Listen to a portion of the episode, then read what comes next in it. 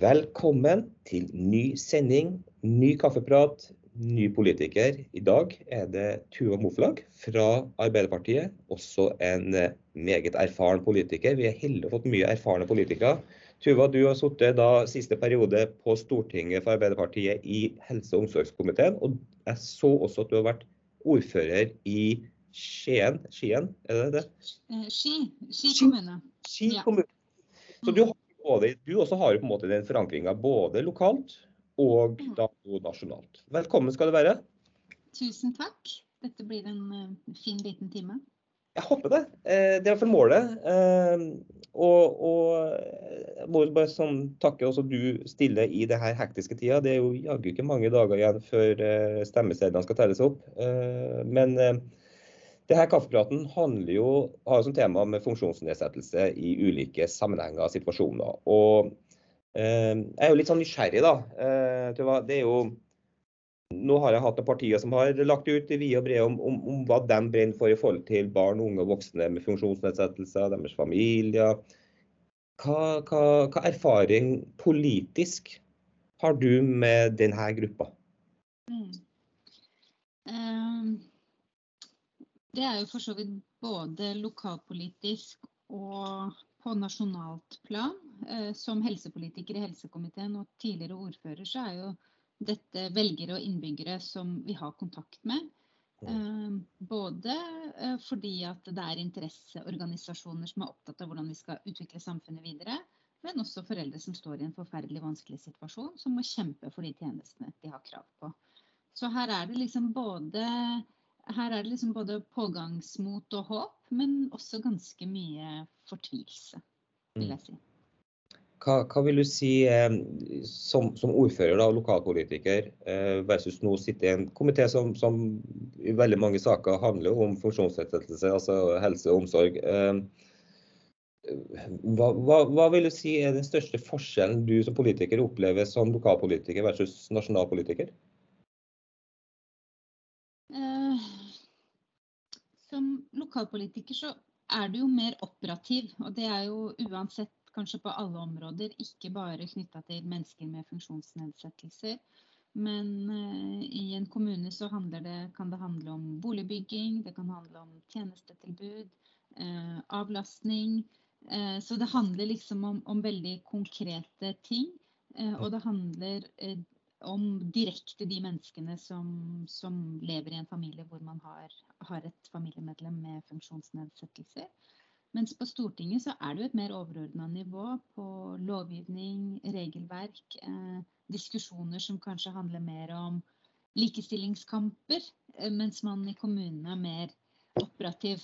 Eh, og så tenker jeg at fellesnevneren for de to er at eh, vi er veldig langt unna mål, rett og slett. Ja. Hva, hva tenker du på i forhold til at dere er langt unna mål? Hva, hva føler dere mest langt unna på i forhold til mål? da? Og det målet du på en måte skulle gjerne sett var nærmere? Ja, eh, og det er klart nå blir dette litt sånn blanding av meg som person og, og liksom ikke nødvendigvis liksom partiprogrammet til Arbeiderpartiet som jeg bretter ut, men jeg opplever at eh, det er en likestillingskamp uh, som um, er mange år på overtid. Eh, og med det mener jeg ikke at ikke dere som representerer mennesker med funksjonsnedsettelser, at de organisasjonene og de menneskene ikke har prøvd å ta den kampen, men at man kanskje ikke har fått tilstrekkelig gehør for den kampen man står i. Så jeg kaller det liksom den neste store likestillingskampen, eh, men at det er en kamp som er mange år på overtid. Um, og det kan jo handle om f.eks. CRPD, da, som er en diskusjon som gikk eh, stort i, i denne stortingsperioden, som vi nå håper at vil få en, en løsning i neste stortingsperiode. Ja. Um, som lokalpolitiker har jeg jo liksom En av de første gangene jeg gikk på husbesøk, så traff jeg en familie eh, som hadde en sønn eh, som eh, ja, hadde eh, Altså som hadde en diagnose som jeg ikke husker navnet på, men i hvert fall trengte å, å få et tilrettelagt boligtilbud da, som voksen. Mm. Og hvor mange år det tar, og hvor urettferdig det er. Hva, ja, hva, hva, når du da er på husbesøk, eh, Mm. og møter den familien, og du får høre hvor lang tid det tar, så har du sittet som ordfører. Du har hatt en, måte, en posisjon i, i, i kommunen. Eh, hvor, hvorfor tar det altså Jeg skjønner jo at du alene da ikke kan selvfølgelig si at du skal få lov til å flytte her, men, men hva, hva, er det som gjør at, at når dere, dere, ser det jo, og jeg regner med alle politikere ser at det er en utfordring. Jeg snakka tidligere med Ove Trellevik i Høyre også, som ordfører i Sund kommune. Altså, han snakka om at han skyldte på da dårlig planlegging. Altså, altså, det kom nesten som julekveld på kjerringa, som, som sa. da. Men, mm. men ja, er det så enkelt? Er det dårlig planlegging, eller er det litt sånn vente og vente og vente, og til slutt har du venta så lenge at eh, ja, det brenner?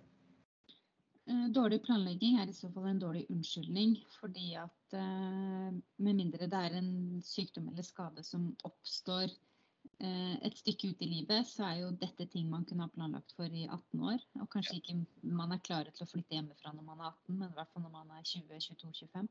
Mm. Så, så, det er ikke et godt nok svar. Det handler nok om mangel på prioritering. Ja. Eh, men eh, jeg opplever jo at det eh, Jeg var jo liksom førstereis kommunestyrepolitiker da jeg var på dette ene husbesøket. Og ja. mener jo sjøl at vi har satt det høyere på dagsorden. Noe av det vi gjorde i Ski kommune, var jo å prioritere flere boliger for mm. mennesker med funksjonsnedsettelser. Og likevel er vi ikke i, i mål. Vi hadde et ganske banebrytende boligprosjekt og her var det tverrpolitisk enighet om, fordi dette, dette, var det bare både en ordfører fra Høyre som satt før meg, og jeg som fulgte opp. Altså, her er det flere som, som, har vært involvert, så her er det mange som har dratt i samme retning. Men det er jo et sånt boligprosjekt som ble trukket fram som et godt eksempel, der en foreldregruppe i fellesskap eh, kontakta kommunen, de sto for bygginga sjøl, etablerte et borettslag. Eh, brukerne, eller menneskene, beboerne, har, har kjøpt hver sin enhet. Kommunen leier en base der. Så, så ikke sant, jeg, jeg syns faktisk at dette har vi løfta på dagsorden.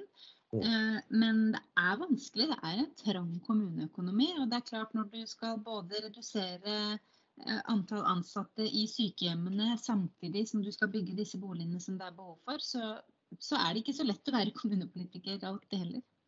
Nei, og det her er jo sånn som jeg merker alle politikerne jeg snakka med nå i, i kaffepraten, på en måte si er kanskje største årsaken til det som jeg vil også snakke litt om. Det er jo Forskjells-Norge når det kommer til for, da, for, for barn, unge og voksne med funksjonsnedsettelser. Det er jo det er kommuneøkonomien. altså Fattige kommuner som kaller det, de har problemer med å få gjennom alt dem, eller få gjennom det som, som egentlig bør være et minimumskrav. da.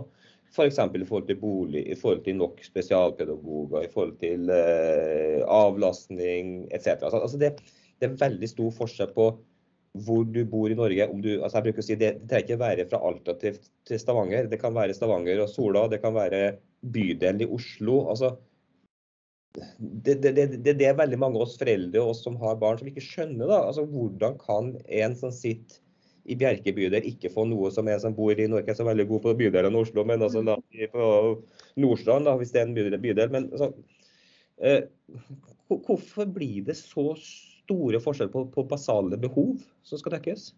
Mm. Eh, ja, det, det finnes vel ikke ett liksom, enkelt svar på det. Men eh, som du sier, så er det jo ulik kommuneøkonomi i utgangspunktet.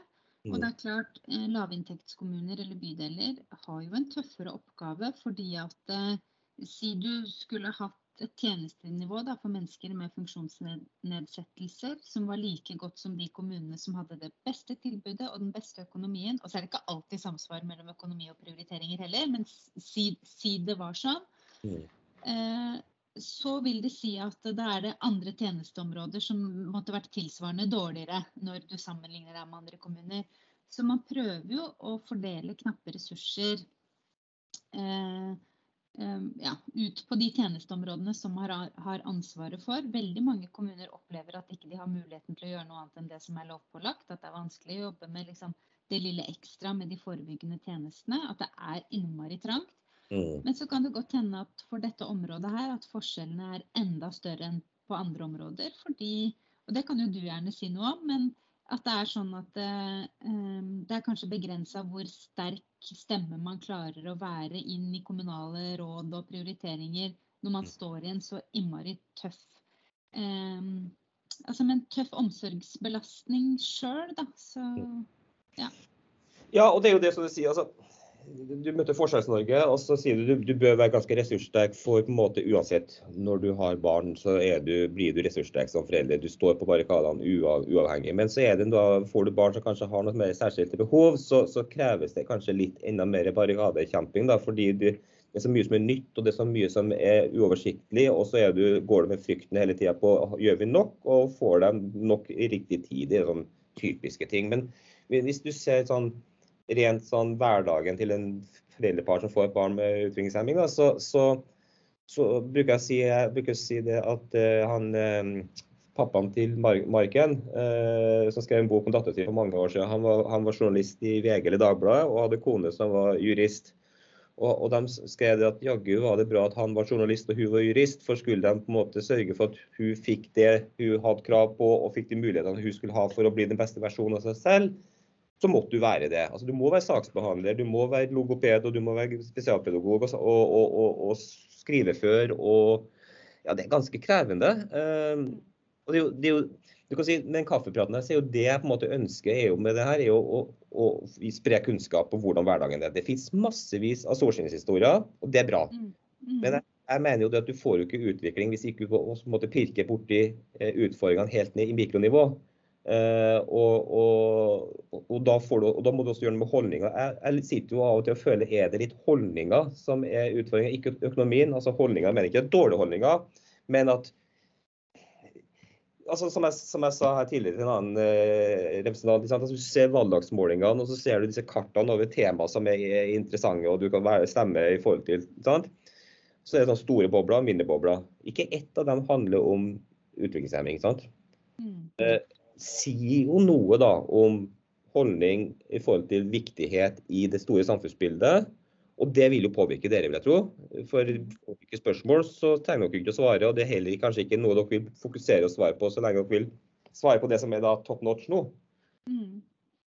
Ja, jeg er helt enig. Det er derfor jeg eh, også når jeg snakker om denne likestillingskampen, da, ja. eh, som er på overtid, så handler det vel kanskje om at Eh, og nå har jeg truffet innmari mange tøffe pårørende som står på barrikadene og som De trenger på en måte ikke noe hjelp til å ha en stemme, de er sin egen stemme. Mm. Men de trenger kanskje flere allierte. Og kanskje ikke vi har vært gode nok til å være allierte i den kampen, da. Ser den. Eh, og da, da, tenker jeg, når du sier det med lokalpolitikken og, og nasjonalpolitikken og det, Jeg et spørsmål til alle, og det er jo, det er jo satt på spissen. Uh, har det noen betydning at jeg stemmer i dag, eller den 13.9. på stortingsvalget, når min hverdag omhandler det som skjer i lokale miljøet mitt? Da, ja, det har det. Har det. Uh, I hvert fall til en viss grad. Fordi at uh, når vi da f.eks. sier at vi mener at kommuneøkonomien er altfor stram, uh, så, så vil jo det også påvirke kommunens mulighet til å gi et godt tjenestetilbud, også til de som, er, til de som har funksjonsnedsettelser. Mm. Eh, og så er det jo et, eh, et, begrep som jeg ikke liker så veldig godt, men det heter ressurskrevende brukere. Og ja. et, et, tak for et innslagspunkt for når kommunen får refundert sine eh, Eller altså når man får støtte fra staten da, til det som overstiger et visst beløp. Og det innslagspunktet har jo økt for hvert år. sånn at det har blitt tøffere og tøffere for kommunene hvert år å kunne opprettholde da, gode tjenestetilbud. Og mm. kanskje da enda tøffere for de kommunene som har dårligst råd i utgangspunktet.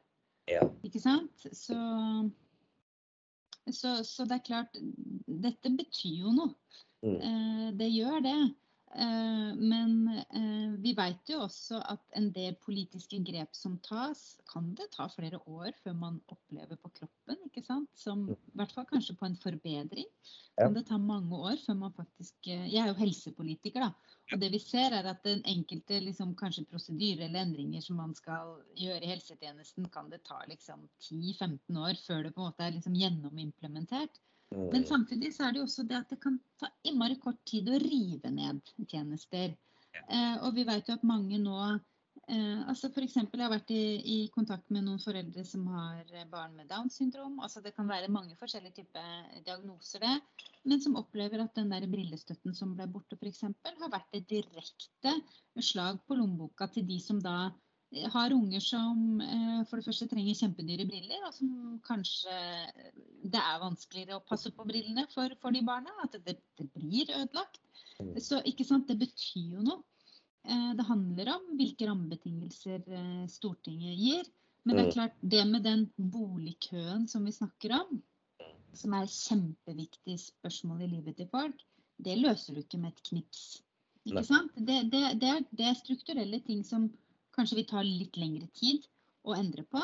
Mm. Mens en støtteordning som blir borte, den kan rives ned over natta. Eller i hvert fall fra det ene statsbudsjettet til det andre. Så det er litt begge deler, vil jeg si. Noe er mer strategisk langsiktig, mens noe er sånn du kan gå inn og gjøre kjappe. Og det som du sier med brillestøtte, vi, altså Vår datter Milla har jo briller, hatt briller fra hun var tre år. Og det som du sier, altså det å gå fra altså noe, altså, nå er ikke vi i den situasjonen at vi nødvendigvis går under en, en sånn kategori som gjør at vi ikke kan betale ting selv. Eh, det påvirker vår familieøkonomi ganske greit også. Men poenget er at hun er jo da lita jente med briller. Og de brillene som du sier, de får jo ripa i seg ganske kjapt hvis ikke eh, vi passer på hele tiden. Og, og, og, så er jo da, det er jo følgelig noen briller som du kan få, noen standardbriller. Men altså, litt stygt sagt, så er jo ikke det akkurat fine briller. Og du vil jo, altså Hvis barnet ditt har kanskje da en, en, en, en eh, ser litt annerledes ut, har en diagnose, hun har Downs syndrom, Eh, du ønsker veldig gjerne at hun skal ha noen briller som får hun til å på en måte skinne, da vil du ikke ha de der tynne, standardiserte brillene. Du vil at du skal se litt flott ut med litt pene innfatninger. Mm. Det har forsvunnet alle de mulighetene til å få dekka. Sant? Og vi bare tok et eksempel her nå, så vi, vi, vi, må betale 3700 hver gang vi skal skifte glass på de brillene. Sant? Mm. Det er jo en utgift som blir ganske heftig hvis du skal gjøre det flere ganger. Sant? For du får dekket 1200 kroner av den totale pakka av Nav. Og det er, det er, ikke en enkel vei å gå via Nav heller. Altså det, det, er mye papirskriving og greier og greier der også. Men det, det, er kanskje bagateller i det store. Men for mange, oppå mye andre utgifter som kommer, mm. så er det jo, er det jo en ting som jeg, jeg syns var helt forferdelig ble innført. Eh, også, og det, jeg mener det har igjen da med holdninger. og jeg mener Hvis du tar Nav igjen, da, sånn, så altså, bare det at du må, For å få den ekstra den tiltaksstøtten for, for støttenivået, eh, så må du da hvert andre år melde inn til Nav at jo da, eh, fastlegen signerer Milla har fortsatt Downs syndrom. Mm, ja, det det, det, sånn, sånn, vi ler jo av det nå. Eh, og det er mm. sånn svart humor i miljøet, selvfølgelig. og Det her gjelder ikke bare de med Downs syndrom, det gjelder jo andre eh, årsaker også. For de må ha støtteordning, høyere støtteordning. Mm. så skal man bekrefte at nei, da, hun har ikke vokst av seg. Altså, det, blir, det blir noe nedlatende over en forsker som sikkert er godt ment. Mm. Ja, og Der burde man kunne rydda opp i byråkratiet og, og, skilt på hva er livsvarig og hva kan endre seg. ikke sant? Noen ting eh, er du født med, og sånn skal du være ut livet. Og da det, det, det oppleves bare jeg tenker at det oppleves som at, de som skal hjelpe deg, byråkratiet, ser deg ikke for den du er. Eh, og det du har fortalt før, blir på en måte nulla ut. da. Når du må bekrefte sånne ting igjen og igjen. Det, det, det blir et irritasjonsmoment kanskje mer enn noe annet. fordi det, det, går vel inn i en slags rutine etter hvert. Men det sier jo kanskje noe om ja, ting i systemet vårt som burde ha vært litt rydda opp i. da. Ja, det, det, er akkurat det du sier. Altså det, det, blir en irritasjonsmoment eh, og en påminnelse om hvor er det vi står i, i samfunnshierarkiet, eh, egentlig. Mm. Eh, og, og, det er jo som du sier, det der å møte disse her byråkratiske stopperne, da. Mm. Eh, bare du skal på en måte tenke mitt barn har ikke talespråk. Hun bruker da, altså Milla bruker tegn til tale som alternativ supplementasjon. Eh, men hennes språk for å få hjelpemiddel så da må det være noe som, som, som, i byråkratiet kalles direkte avhjelpende for at du skal få et hjelpemiddel. Og Så kan du stille deg hva direkte avhjelpende ikke sant? Jo, det må være noe hun bruker selv for å peke, for å vise hva hun vil. Men å ha et hjelpemiddel som sørger for at jeg og du og alle rundt Milla blir gode til å forstå hennes hender og kommunisere mye med henne til hun og forstå hennes hender, sånn at hun får et godt språk på sitt språk, det er indirekte. Da får du ikke. Det skjer da da blir det pedagogisk. ikke sant? Da går det under pedagogisk læring. Og da, da, da til kommunen. Og så sier kommunen nei, men det har ikke vi råd til. Og nei, vi syns det her virker som det er noe hun trenger for å kommunisere selv. Det er bare et lite eksempel. Sant? Og så blir du stående mellom to stoler mellom staten og kommunen, som jeg bruker å si. Sant? Det mm. ene vi ønsker for vår datter, at hennes språk skal på en måte respekteres, det er et tegn. Mm. Og at hun skal bli god til å bli forstått på sitt språk og få etter hvert en verbal utvikling. Men vi har da to systemer som så krangler om hvem som har ansvaret. Det eneste handler burde ha sagt, vi tar regninga. Det viktigste er at Mia nå får god kommunikasjon, et godt humør, en fin utvikling. Og på sikt kanskje også få et verbalspråk som mange barn med Downs syndrom kan få. Mm. Og da langt der framme, kanskje når hun er 14-15-20, så har hun kanskje fått et godt kommunikasjonsspråk. Kombinasjon av verbalt og tegn, kanskje, som gjør at hun kan fungere bedre i hverdagen og samfunnet det har jo en kostnadsbesparelse på, på, lang sikt. Mm. Men, men, det ses ikke i det byråkratiet, som du sier. Men vi opplever det som en sånn meg og mange da, opplever det her som en sånn type stopper på ja, ja, Det er ikke så viktig at Milla skal bli forstått på sitt språk. Hun kan heller bruke noen annen kommunikasjonsform som vi mener passer bedre, for det passer i systemet. Mm. Det er litt sånn kort fortalt, da. Men, men det er disse stopperne. da, og, og, og, her føler jeg at det ligger veldig mye frustrasjon hos uh, folk. Og jeg tenker Dere som politikere gjør jo de overhengende, fine vedtakene. Mm. Men der så ligger det veldig mange skjebner og enkelthistorier og holdning. Det holdning er ekstremt viktig å få, få tatt tak i, mener jeg altså. Mm. Vi hadde jo en sånn uh, uh, Likeverdsreformen het den, måtte jeg tenke meg om, sånn at jeg fikk riktig at jeg sa det riktig, som ble behandla nå i våres. Og den syns jeg bare forsvant som et blaff. Jeg vet ikke om du har noe Jeg, jeg syns liksom ikke at den, den fikk ikke den uh, ja, oppmerksomheten som den kunne ha fått. Nei, og det, det, slo meg også, for det her ble jeg mm. faktisk introdusert først for av Tore Selsvold, som var fra KrF i første sendinga. Det er likeverdsreformen. Koordinatoren som jeg syns, sånn som ble forelagt den, er fantastisk. Mm. Altså Det med koordinator er noe vi som foreldre og veldig mange foreldre har savna og etterspurt. Det er å ha noen som kan være vår menneske inn i systemet. Sørge for at mm. ulikhetene mellom Sandnes og Sola forsvinner fordi det snakkes på tvers av regioner og kommuner og kompetanse bygges, og så er det noen som tar den jobben. da. Men jeg har faktisk ikke vært, fått det med meg noen plass, verken hos brukerorganisasjoner eller eh, og Det syns jeg er rart, og det, det, skjønner jeg ikke heller hvorfor. Har du noen tanker på hvorfor det kan være sånn? Nei, vet, vet du hva, jeg, jeg, jeg, har ikke noe godt svar på det. Eh, og Nå var det en kollega av meg som hadde hovedansvaret for den fra, fra vår side denne gangen. Men bare for å liksom trekke en parallell til bioteknologiloven, som jo selvfølgelig er veldig sånn Der er det mange politiske dilemmaer og, og uenigheter. Her var det jo mye man var enige om. Men ja. jeg syns liksom det at uh, gjennom en, en, en, stortingsmelding og sånn som kommer til Stortinget, så har man muligheten til å løfte et felt. Og det er klart det har vært korona det siste halvannet året. Det er mange liksom rare forklaringer. Men bioteknologi var jo liksom et tema som gjennomdebattert på Dagsnytt 18 og på, på Debatten og i kronikker. Og liksom så mye mm. fokus. Mens denne mm. likeverdsreformen den liksom kom og gikk litt. Jeg har ikke noen god forklaring på det, og jeg kunne sikkert ha gjort mer for å løfte det temaet sjøl òg. Kanskje var det lite liksom, konflikt der og mye liksom, sklei gjennom, hvis du skjønner. Ja. Men allikevel så er det et tema som hadde fortjent eh, eh, mer oppmerksomhet fra presse, fra debattredaksjoner, fra ja. Ja, for jeg føler at den reformen er noe som har vært etterspurt lenge. Eh, ja. Hvis jeg tolker den riktig, og det er spesifikt det med koordinatoren, hvis den blir på en måte gjort riktig og organisert riktig, selvfølgelig. Mange spørsmål der, men det må jo på en måte komme. Eh, og kanskje er det som du sier, fordi at jeg føler at alle politikere snakker om, snakker om den loven nå, eller reformen.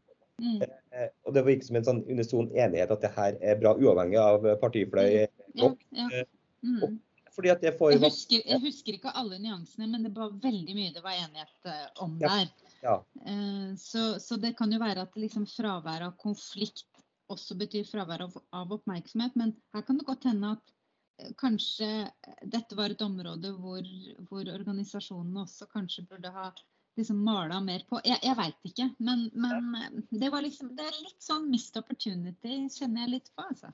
Ja, og, For den likestillingskampen. Da. For det syns jeg er veldig bra. Du nevner det nå igjen eh, flere ganger, Tuva. Det er jo det her med likestillingskampen. Altså, det det det handler om likestilling. Og, og, kanskje er det da mangel av uenighet som gjør at det ikke er interessant for, mm, for den store, viktige faktoren som, som setter ting på dagsordenen, altså media. Altså CRPD mm. var jo masse, masse tema og skriverier. Eh, denne bioteknologiloven med NIPT-testen var jo, var jo, det var skyttergravsdiskusjoner der eh, i perioder. ikke sant? Eh, mens det som på en måte går igjennom, og som faktisk kan få en påvirkning på kort og lang sikt, mm. det er det liksom veldig lite fokus på. Så det skal i jeg sørge for at den, den, den reformen den skal nå komme mer til syne og følge godt opp. da. For Jeg syns det har vært godt, godt å si at det er politisk enighet om noe som er viktig. Mm. Sammen, BPA virker som alle er enige at BPA må vi ha, og det skal jobbes bedre med og få flere bedre løsninger og, og timer og etc. Mm. Pass på ikke det også bare gli, altså bare glir bort, da, for det er viktige mm. ting for hverdagslivet og menneskeverdet for disse barn, unge og voksne som trenger det. da. Absolutt, men der er det jo der har på en måte all, eller mange kanskje trykka litt sånn på pauseknappen fordi man, det er et sånt utvalg som jobber med ikke sant, framtida til BPA-ordninga. Det kommer vel en anbefaling desember, hvis jeg husker riktig. Ja. Da, da, blir det litt sånn at nå må, nå må man se litt på hva, hva, slags anbefalinger som kommer, da, og ta litt stilling til, til, det. Men BPA er jo et tema som har vært godt satt på dagsorden, og hvor det har vært utfordra på forskjeller mellom kommuner, hva dette skal være.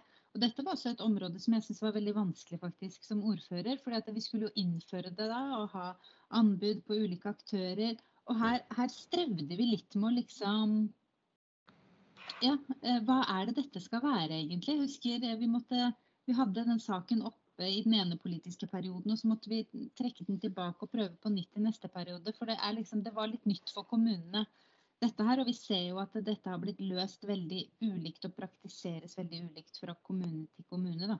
Mm. Men er BPA er det noe som kommunen egentlig skal stå for? Eh, ja. ja. Det er det. Mm. Og hvis kommunen, ikke, altså hvis kommunen ikke har rigga for å kunne måtte levere tjenesten BPA da, til brukere, hva, hva, hva, gjør de da? Hva gjorde dere da? Nei, det, vi, vi, hadde jo hatt, uh, vi hadde jo hatt uh, assistansetjenester uh, kommunalt. Eh, og så var det jo liksom for å bredde dette tilbudet eh, ut da, og få flere aktører med, så lyste vi jo ut et anbud eh, hvor vi da inngikk avtale med noen aktører som da liksom kunne levere. Men her blir det jo da, ikke sant, det jo Det blir jo en Det blir jo avhengig av hvilke leverandører du har lokalt, da. Mm. Hva tenker du om at det er private aktører som leverer BPA-tjenesten? Jeg tenker at det Skal vi se, måtte jeg bare eh, måtte bare avvise et anrop som kom inn hos meg her. Jeg tar denne podkasten på, på, telefonen. Eh, nei, altså vi Arbeiderpartiet har jo sagt at vi, vi støtter den innretninga på BPA som ligger der. Og så som sagt at vi ser fram mot det utvalget som skal komme med sine anbefalinger og, og, og ta det videre derfra. Ja. Men eh, BPA er jo en det er jo en tjeneste på, på individnivå. Mm. Eh, som skiller seg litt kanskje fra, fra andre tjenester som, eh, ja, som, som krever en helt annen samhandling med resten av kommunen. Og, og, og, det at det er en tjeneste som ytes da sånn sett liksom på individnivå, henger jo kanskje også mer sammen med det likestillingsbegrepet. da, ikke sant? Mm. Hva, Eh, og det er jo der vi strevde litt, husker jeg. Liksom, er dette liksom Og det har jo dukka opp en del problemstillinger som kommuner har måttet ha tatt litt stilling til underveis. Også liksom dette her med helselovgivning kontra annen lovgivning. Hva er det disse BPA-timene skal brukes til? Ja, skal du ha hvis det er en avansert medisinsk prosedyre, så er det kanskje hjemmetjenesten eller hjemmesykepleien som skal gjøre det i tillegg. og så skal du kanskje bruke, Så det har tatt litt tid å gå opp den løypa, rett og slett. Ja. Men eh, BPA-ordninga, der støtter Arbeiderpartiet liksom de grunnprinsippene som ligger der i dag, og ønsker ikke å, å, å, å rokke noe ved det. Men som sagt at vi da har sagt at vi må se litt fram mot det utvalget som kommer med sin anbefaling, for å se hvordan man skal utvikle ordninga videre. da. Ikke sant. Grunnen til at jeg spør deg litt om i forhold til eh, private aktører, det er jo, det er jo kanskje fordi at folk tenker Arbeiderpartiet, eller altså Den røde sida er jo da veldig for det offentlige tjenesteytinga, mens den blå sida kanskje mer for den private tjenesteytinga. Altså, og, og, det finnes jo private BPA-løsninger. Og, og, det har jo vært snakka om nå vet jeg ikke om kanskje dere har snakka om det, men i hvert fall Sosialistisk Venstreparti har snakka om det som de kaller for velferdsprofitører. ikke sant? Mm og, og, vi er jo litt nysgjerrig. Jeg vil jo antageligvis regnes som en velferdsprofitør i ordets vide begrep, fordi jeg er en privat aktør som har laga en tjeneste for at barn og unge og voksne med TNT skal kunne kommunisere bedre med, med omverdenen og bli bedre på språk. I mangel av at ikke det fantes offentlige løsninger. Mm. Nå er jo ikke at det vil ses en, en veldig sånn profitøraktig mm. selskap. Det er én mann og en skjorte og, og masse energi. Men la oss mm. sikt så kanskje kan vi bli et, et, selskap som på en måte ja, vi, vi, vi, tjener penger som er viktig for å kunne fortsette å utvikle og drifte og drive. ikke sant? Og, og, og, skal vi da stoppes? Det er liksom det som er spørsmålet. Er det feil? Nei, også, der syns jeg vel Og så er, er, det jo ulike nyanser av partier langs hele partiskalaen. Men jeg syns jo at, eh, at, det blir skapt et skremmebilde av Arbeiderpartiets politikk som ikke stemmer. Ja. Vi innførte jo f.eks. fritt sykehusvalg, da, for å bruke et eksempel. hvis jeg kan gjøre det. Vi innførte jo da det i 2001. Mm. Uh, og så har jo da eh, høyreregjeringa eh, senere liksom omdøpt dette til fritt behandlingsvalg. Ja. Eh, men det, det, handler ikke bare om pasientens rett til å velge, for den pasientrettigheten var det vi som innførte. Mm. Eh, fritt behandlingsvalg handler jo også om at private aktører kan, eh, så lenge de er Helfo-godkjent, sette opp en, en, en tjeneste uavhengig av om det er behov for den tilleggskapasiteten i det sykehusområdet eller ikke. Så vi, mm. vi mener jo at det, det, også handler om en bedriftsrett til å etablere seg. Mm. Arbeiderpartiet har aldri vært imot private aktører, men vi mener veldig sterkt at det offentlige, av fellesskapet, skal ha kontroll mm. på, eh, på, hvem som tilbyr disse tjenestene, og prioritering av midler. For det var jo litt det vi var innom helt i begynnelsen her også. Ja. At en kommunepolitisk oppgave er jo å sørge for at du får prioritert mellom alle de formåla som ingen av de egentlig kanskje har nok midler til å få gjort det så godt som man vil. da. Så Det er ved der vi skiller oss. Ja. I fritt sykehusvalg kunne du velge mellom offentlige sykehus, private aktører og ideelle aktører. Og Sånn mener vi at det fortsatt skal være, men at det offentlige har, har kontrollen og ansvaret. Nettopp. Og Sånn kan det også da være innenfor vanlig velferdsteknologi eller velferdstjeneste også, da, tenker du?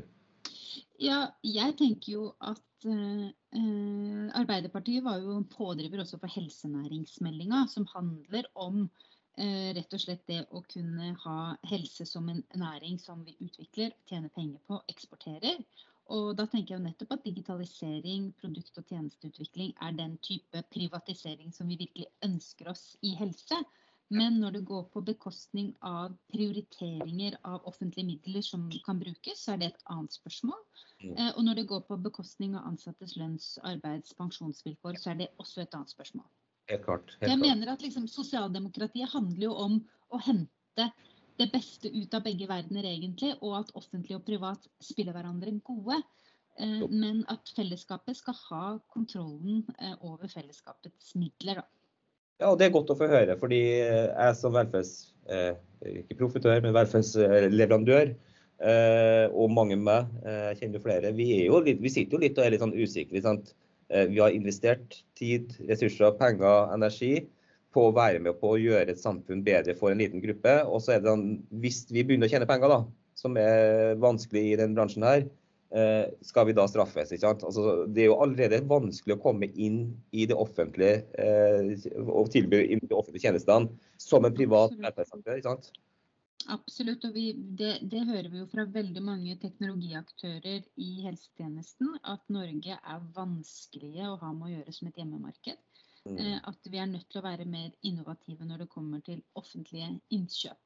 Mm. Eh, så jeg mener at det egentlig ikke er noe eh, ja, Det er ikke noe motsetningsforhold her, mener jeg, men det handler da liksom veldig tydelig om hvem er det som, som prioriterer. Hvem er det som kontrollerer, hvem er det som bestemmer, at det er det det handler om. Mm. Uh, og, så, uh, og, så, er dette liksom innovasjon i helsetjenesten som vi virkelig ønsker velkommen. Ja, det, det, håper jeg. For det, er jo, det, er jo det, det, vil jeg kalle også som en del av det grønne skiftet. Altså Skal vi på en måte gå fra eh, å leve av oljen, så må vi også kunne finne alternativt. Og teknologi er jo, er jo noe vi må fokusere mer på, tenker jeg. Altså, eller, digitalisering, teknologi, velferdstjenester, innovasjon da, generelt er jo, er jo, ekstremt viktig. Der ligger jo veldig, veldig mange land foran oss i dag. Mm, absolutt. Du, altså, jeg vet unnskyld. bare, bare ta det. Nei, nei, nei da. Altså, jeg er jo sjøl siviløkonom med bakgrunn fra privat sektor. Jeg kunne aldri vært i et parti som, som mente at, eh, at, private aktører ikke eh, altså tilfører samfunnet noe. Eh, så, men ikke sant, dette handler om eh, Ja, det, dette handler liksom om eh, Eh, om de ansatte som, som, som, jobber der, hva slags eh, lønns- og arbeidsvilkår de skal ha. Vi har jo sett at eh, på en del områder så er det sykepleiere f.eks. som har fått kraftig lønnshopp når de har kommet inn i kommunal virksomhet i stedet. Jeg syns ikke det er, det er ikke innovasjon og Eh, og, og, la prisen på en tjeneste gå på bekostning av lønna og, og, vilkårene til de som jobber der. Det er ikke innovasjon. Det er ikke det vi skal leve av i framtida, liksom. Å dumpe lønns- og arbeidsvilkår. Nå er dumpet et sterkt uttrykk, altså, men du, du, du, skjønner kanskje hva jeg mener. Men det at vi skal legge til rette for at folk som utvikler f.eks. ny diagnostikk da, for å tidlig kunne si om du har en demensdiagnose, kjempeviktig at vi får sånne nyvinninger inn i helsetjenesten. Eh, og der eh, har vi vært for dårlige, og det forteller jo aktørene oss. Men så er det også det liksom, når du trekker opp dette ordet profitør, velferdsprofitører, som jeg, det er et ord som, eh, som, jeg ikke tror at eh, du nødvendigvis har hørt en arbeiderpartipolitiker bruke. Kanskje har du gjort det, men vi, vi pleier liksom ikke å, å, bruke den merkelappen. Men det er klart, når det er konserner som kanskje tar ut altså som, som, hvor det er milliarder. Du strever kanskje med å få bedriften din til å bli lønnsom i utgangspunktet, mens du ser andre som da driver eh, velferdstjenester på det offentliges regning og, og, liksom flytter på milliarder, så mm. gjør det noe med eh, ja, eh, jeg tenker at Det gjør noe med, med bruken av skattepengene våre og følelsen knytta til de. Vi vil jo at eh, at eh, penger skal gå til ungene når det er snakk om barnehagesektoren f.eks. Men så vet vi jo selvfølgelig at en barnehage, på lik linje som en kommune og på lik linje som en eh, privat bedrift, må ha en sunn økonomi for å kunne investere, for å kunne drive med liksom, ja, innovasjon, kompetanseutvikling. Men det er noe med liksom, hvilket nivå ligger vi på her? Og er det spekulasjon eller er det driftsutvikling? Ja, nå babla jeg over her. jeg, jeg, jeg, jeg, følger veldig på den. Og, og, Hvis jeg skal sneve det inn til min bransje som går på kommunikasjonshjelpemidler, så, så opplever jeg jo f.eks.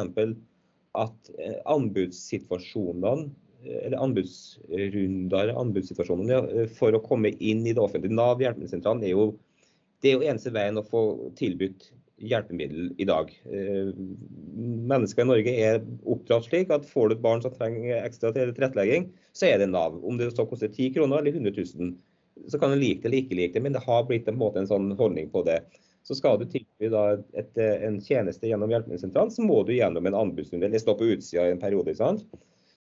Vi opplever jo f.eks. anbudssituasjon som er en veldig gammeldags tenkt. Sant? Eh, veldig lite endringsvillig. Altså de siste to, altså to rundene som har vært i løpet av de siste åtte årene som jeg har på måte holdt på med det her, så har jo ikke kravspekken endra seg i det hele tatt i forhold til å tenke rundt behovet til de som trenger det. Og heller ikke i forhold til digitaliseringsveien. Altså åtte år og ingen endring i forhold til hvordan du kan digitalisere bedre løsninger for hjelpemiddel. Mm. Eh, som gjør at små aktører som oss blir stående på utsida, mens etablerte store hjelpemiddelleverandører som har holdt på i 10-20 år, levert det samme produktet, de består og tjener godt på det her. Fordi det er ikke til å legge skjul på. Kommer du inn i Nav og får en, en, rutine inn der, så er det motorvei til å få ting gjennom og få eller iallfall tilnærmet motorvei, da, til, levert tjenester til de som trenger det, og til og med de som ikke trenger det, fordi det er på anbud. Så det, det, det, så det, det er, det er, ikke enkelt å være innovasjonsbyrå for å komme med nytenkende altså, inn i, i, det offentlige, om det er kommune eller stat. Altså, det, det, er ganske tungt. Mm, og det er det nok ikke noe quick fix på heller, ikke sant. Men der har det jo eh, vært eh, altså det er jo noe som vi har jobba med liksom på kommunalt nivå, å gjøre mer innovative anskaffelser. Og kanskje istedenfor å etterspørre en bestemt løsning, så beskriver du hva slags behov du skal ha dekket. Og så blir det kanskje da å bruke den kreativiteten som er i markedet til å komme med, med, Det kan være en ny type løsning, ikke sant? men som løser det behovet som er identifisert. Så her må vi bare jobbe videre med innovative anskaffelser, tenker mm. jeg. Og bruke den innkjøpsmakta både til å stimulere nye aktører og ja, til å forbedre tjenestene. Jeg syns det høres veldig betryggende ut. Eh, Tuva. Eh, du, jeg vet at du har et hacks-program og du skal få lov til å lage noe skolemat eh, nå i slutten av valgkampsdagen her. Men jeg vil bare sånn avslutningsvis bare sånn jeg kan ikke unngå å spørre deg om det, fordi du var ganske aktiv i forhold til bioteknologiloven fra Arbeiderpartiets side. Og, og, da for vår del NIPT-testen som det ble bestemt skulle gjennomføres. Mm. Og jeg var jo ute i media når det sto på som mest og sa det at eh, jeg er mer bekymret over debattformen enn debattinnholdet. Eh, altså jeg det en sånn skyttergravsdebatt eh, mellom motstandere og tilhengere. Og så satt de som det faktisk omhandlet i midten og ble på en måte følt seg følte seg litt sånn ille til mote uansett hvordan de valgte å vende på om de skulle være for eller mot, eller ha lyst til å ta testen eller ikke ta testen. Og så satt jo da alle disse foreldrene som hadde f.eks. barn med Downs syndrom og følte uh, ja, men er ikke våre barn da verdt noen ting i det samfunnet her? Ønsker vi dem virkelig altså ønsker vi virkelig å gjennomføre noe som gjør at de ikke skal bli valgt. ikke sant? Og, og Vi så jo bakteppet fra England og, og, og, Danmark i forhold til drastisk nedgang av fødslene med Downs syndrom. Og, og, da får du selvfølgelig mye følelser inn i bildet her. sant? Mm. Eh, nå er jo den eh, loven stemt igjennom. Nå har de riktignok sliter de fortsatt med å komme i gang med NIPT-testinga, hører jeg, men, men, eller tilbudet. Men, men, og jeg var litt sånn at jeg mener at kvinnen, eller familien, eller ikke å si mor og far, skal få lov til å ta et valg om å finne ut. Det er mange årsaker de ønsker å finne ut. Det, det, det er ikke noe andre skal legge seg opp i, men det skal være et tilbud der for de som trenger det. Mm. Eh, jeg var jo litt mer opptatt i den debatten som var å høre litt Ja, men OK. For de som velger da, å, å, beholde barnet, eller, altså, mm. eller for de som står i en situasjon og får vite at jeg kanskje har et barn med Downs syndrom. Mm. Hvilken kompetanse, hvilke mennesker, hvilke uh, holdninger, tilbake igjen til holdninger, sitter lege, helsesystemet, nemnd, whatever. Altså, hva sitter de med av, av, av uh, kunnskap? Og hva kunne skal vi forvente som politikere og som samfunn at de skal formidle? Mm. Føler du at du kommer noe lenger der? Ja, dette er et område hvor det er veldig farlig at jeg skal sitte og føle på om vi har kommet lenger. For her må, jo egentlig, her må vi jo rett og slett få mer liksom, håndfaste bevis på hvordan oppleves dette i helsetjenesten i dag. Og mange forteller oss jo om at de ikke har hatt ålreite møter med helsetjenesten. At de nærmest har fått en litt sånn oppfordring om at nei, vi Altså mm. så, så, her har folk kanskje blitt møtt på en måte som har vært vanskelig. Om det har endra seg, det veit ikke jeg.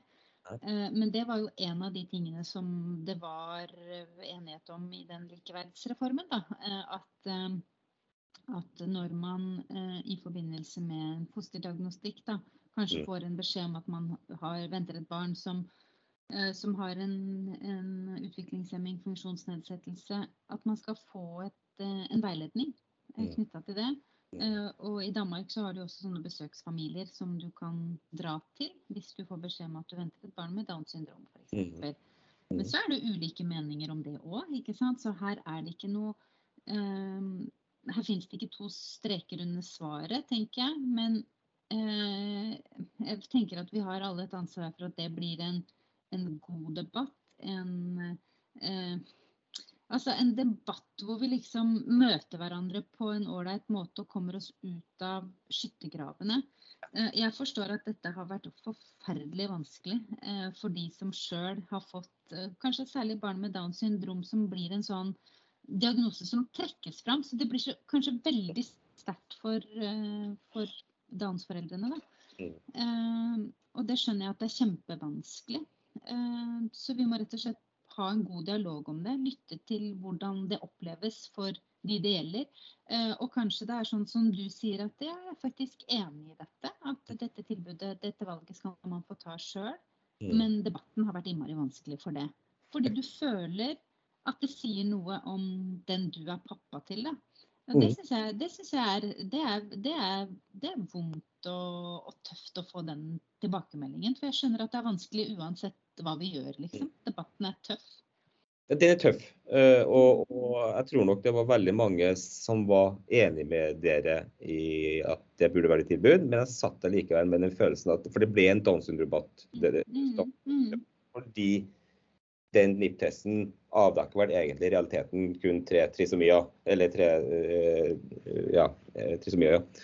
Blant annet trisomi 21. Ja, ja, ja den, den brukes til mer enn trisomier. Ja. Og det var jo ikke Stortinget som bestemte hva den skulle brukes til, det er det faktisk Helsedepartementet som har vedtatt tidligere. Det ja. vi bestemte, var hvem som skulle få tilgang til den, og når. Ja. Eh, så liksom bruksområdet var faktisk ikke en del av debatten i fjor. Men jeg opplevde jo også at eh, når jeg snakka med journalister, og jeg kalte det for NIPT, mm. så står det i den saken Downs-test. Mm. Eh, og hvor jeg også da har sagt til journalisten at eh, jeg, hvorfor kaller du det en Downs-test? Mm. Det heter jo ikke det. Jo, men det er jo det det er, er det ikke det? Og da blir det jo også noe med at eh, Ref liksom det vi snakka om i stad. Hva er det som selger? Er det konflikt? Ja. Det, liksom at, det at man bruker Downs da mm. skaper noen overskrifter som mm. vekker et engasjement, men som samtidig kanskje gjør det enda vanskeligere for de som faktisk er foreldre til barn med Downs syndrom eller har Downs syndrom sjøl, så blir jo debatten bare enda kjipere når det blir kalt en Downs-test. Det, det, var, det, var, jo det som ble. Sant? Det ble jo en Downs-debatt med en Downs-test fordi, som du sier, media bruker det, hva som er reelt, mm. ikke. Det, det er en debatt, men, men, men det var det som ble realiteten. Og de som sto i fronten og skulle forsvare eller, eller ta det innover seg, var foreldre med barn med Downs syndrom. Mm, Men mm. jeg er ikke interessert for at du sto ganske støtt. Eh, og det var en tøff debatt som jeg sier, med skyttergrads fra ganske ekstreme på begge sider sikkert. Hvordan er det da som politiker i en så følelsesladet debatt sånn som det her var? For det var jo en ekstrem følelsesladet debatt, nesten mer enn CPD-debatten. Mm, eh, hvordan er det å stå i det? Hvordan opplever du personlig den, den debatten som politiker og menneske å stå i den debatten? Uh, nei, jeg, jeg syns jo at det eh, Jeg syns faktisk at det har vært ganske mange fine menneskemøter. Og at det på en måte har vært ganske givende også. Mm. Eh, men jeg har også møtt Downs-foreldre som jeg tror kanskje også tenker at, at, eh, at de ikke hadde nådd inn til meg. Og det må jeg liksom akseptere litt òg. At de bare Vet du hva, jeg syns faktisk at det Jeg har sagt liksom at eh, jeg blir gjerne med å illustrere det dere føler på det som er vanskelig for dere, men dere må alltid vite at i en sånn sak så vil alltid jeg forsvare det politiske standpunktet jeg står for. Mm. Kanskje det oppleves som litt hardt og brutalt at jeg på en måte da Det kan være en vanskelig balansegang da, å være både lyttende og empatisk, men samtidig stå liksom hardt på det prinsipielle eller standpunktet, politiske prinsipielle standpunktet som du har landa ned på. Og det, det, det tror jeg at kanskje noen har opplevd meg som, som har, da. Ikke sant. Mm. Også. Det, det, må jeg liksom bare erkjenne. Selv om jeg prøver å ta innover meg liksom alle de signalene og det vonde som folk kanskje sier at en sånn debatt medfører, så, så er det ikke alltid kanskje man lykkes med å være god nok på det menneskelige plan. Da. Men det må man jo prøve å lære av for å bli bedre seinere. Ja, det er jo det, ja, er, kanskje Norge er et greit land å være uenig i. At den blir behandla noenlunde respektfullt og profesjonelt på det. Men klart, det her var jo en, en tøff debatt for begge sider. tror jeg. Eh, det som jeg tenker er bare den, eh, den bioteknologiloven er stemt gjennom. NIP-testen skal kunne tilbys. Eh, noen velger det. Jeg vet av erfaring fra flere at de møter lege med det her bør du ta abort, fordi det her er tema. Jeg tror ikke endra seg før og etter den eh, testen ble mulig, selv om det kanskje ikke kommer skikkelig i gang. Det håper jeg at kanskje det som politikere, når dere stemmer gjennom en så følelsesladet og viktig eh, lov, da, som påberoper en ganske liten gruppe, som blir ganske stigmatisert, mm. at det kanskje gjøres litt i etterkant i forhold til å følge opp hvordan er kompetansen, hvordan altså, Dere er jo flinke til å sette utvalg. Eh, mm. hvordan blir det her på en måte møtt? Eh, hvordan blir foreldre møtt? Eh, gjøre mm. spørreundersøkelser, gjøre intervjuer med organisasjoner. Hva får de tilbakemelding på hvordan fungerer i virkeligheten? Og så er det vi har snakka om i løpet av sendinga her. Altså, det er en liten gruppe. Som jeg sa, det er 70 000 cirka, med, med en eller annen grad for funksjonsnedsetting. Eh, ikke store grupper, men det er en viktig gruppe som må tas tak i. At det sørges mer for litt ja-stemning på at vi prøver i stedet for vi venter og ser. ikke sant? Altså, nå snakker jeg både nasjonalt og lokalt, da, men eh, det er noe litt sånn hjertesukk, da. Og så håper jeg eh, ja. Og da vil jeg egentlig trekke Jeg har dessverre litt dårlig batteri, så skal jeg liksom forte meg å si, si to ja. ting før jeg hvis, jeg Så hvis jeg blir borte nå, Aleksander, så veit du hvorfor. Da var det fordi at jeg, jeg, har litt sånn, har litt sånn gammel telefon som begynner å slite, men jeg skal ikke bytte før etter valget. Nei, det, det, er to ting, da. Eh, det ene er at eh, det som var veldig viktig for meg i den debatten som gikk om bioteknologiloven, var at jeg var veldig nøye på at jeg forsvarte kvinnens valg til å velge å avbryte et svangerskap. Men jeg står like hardt på kvinnens valg til å fortsette det svangerskapet. Og jeg tenker at selvbestemmelse går faktisk begge veier. Mm. Uh, og at du skal bli møtt med respekt forståelse, og du skal følge opp med de tjenestene som trenger. Jeg opplever at en del av debatten går på, på, på livs, altså verdighet, livssyn, eh, likestilling. At det skjer liksom i fosterlivet og i det punktet der. Samtidig så vet vi hvor mye foreldre som får barn med, med ulike behov, da, hvordan de blir møtt av samfunnet når det kommer til stykket. Og Der er det en mismatch som jeg syns som jeg bare Og det er derfor jeg liksom snakker om denne likestillingskampen. da. Når vi snakker om selvbestemmelse, så må vi sørge for at det skal være like greit å ta det valget om å beholde det barnet. Og da skal vi søren meg stille opp òg. Og det har vi ikke gjort i, i, i, stor nok grad, da. Rett og slett. Jeg tenker at, ja, at det handler om det.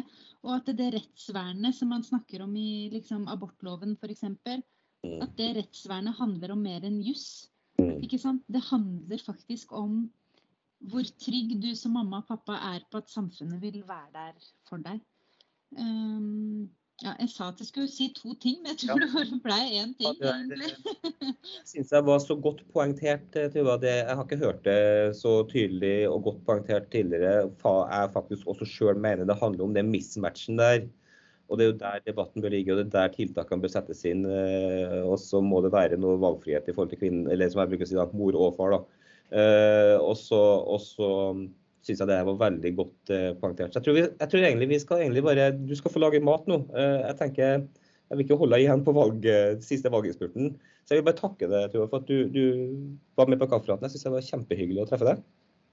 I like måte, og tusen takk for at du inviterte akkurat meg til å få komme på kaffepraten din. Og kanskje den blir live en gang også, ikke bare digital. Vi får se. Ha det bra. Godt valg.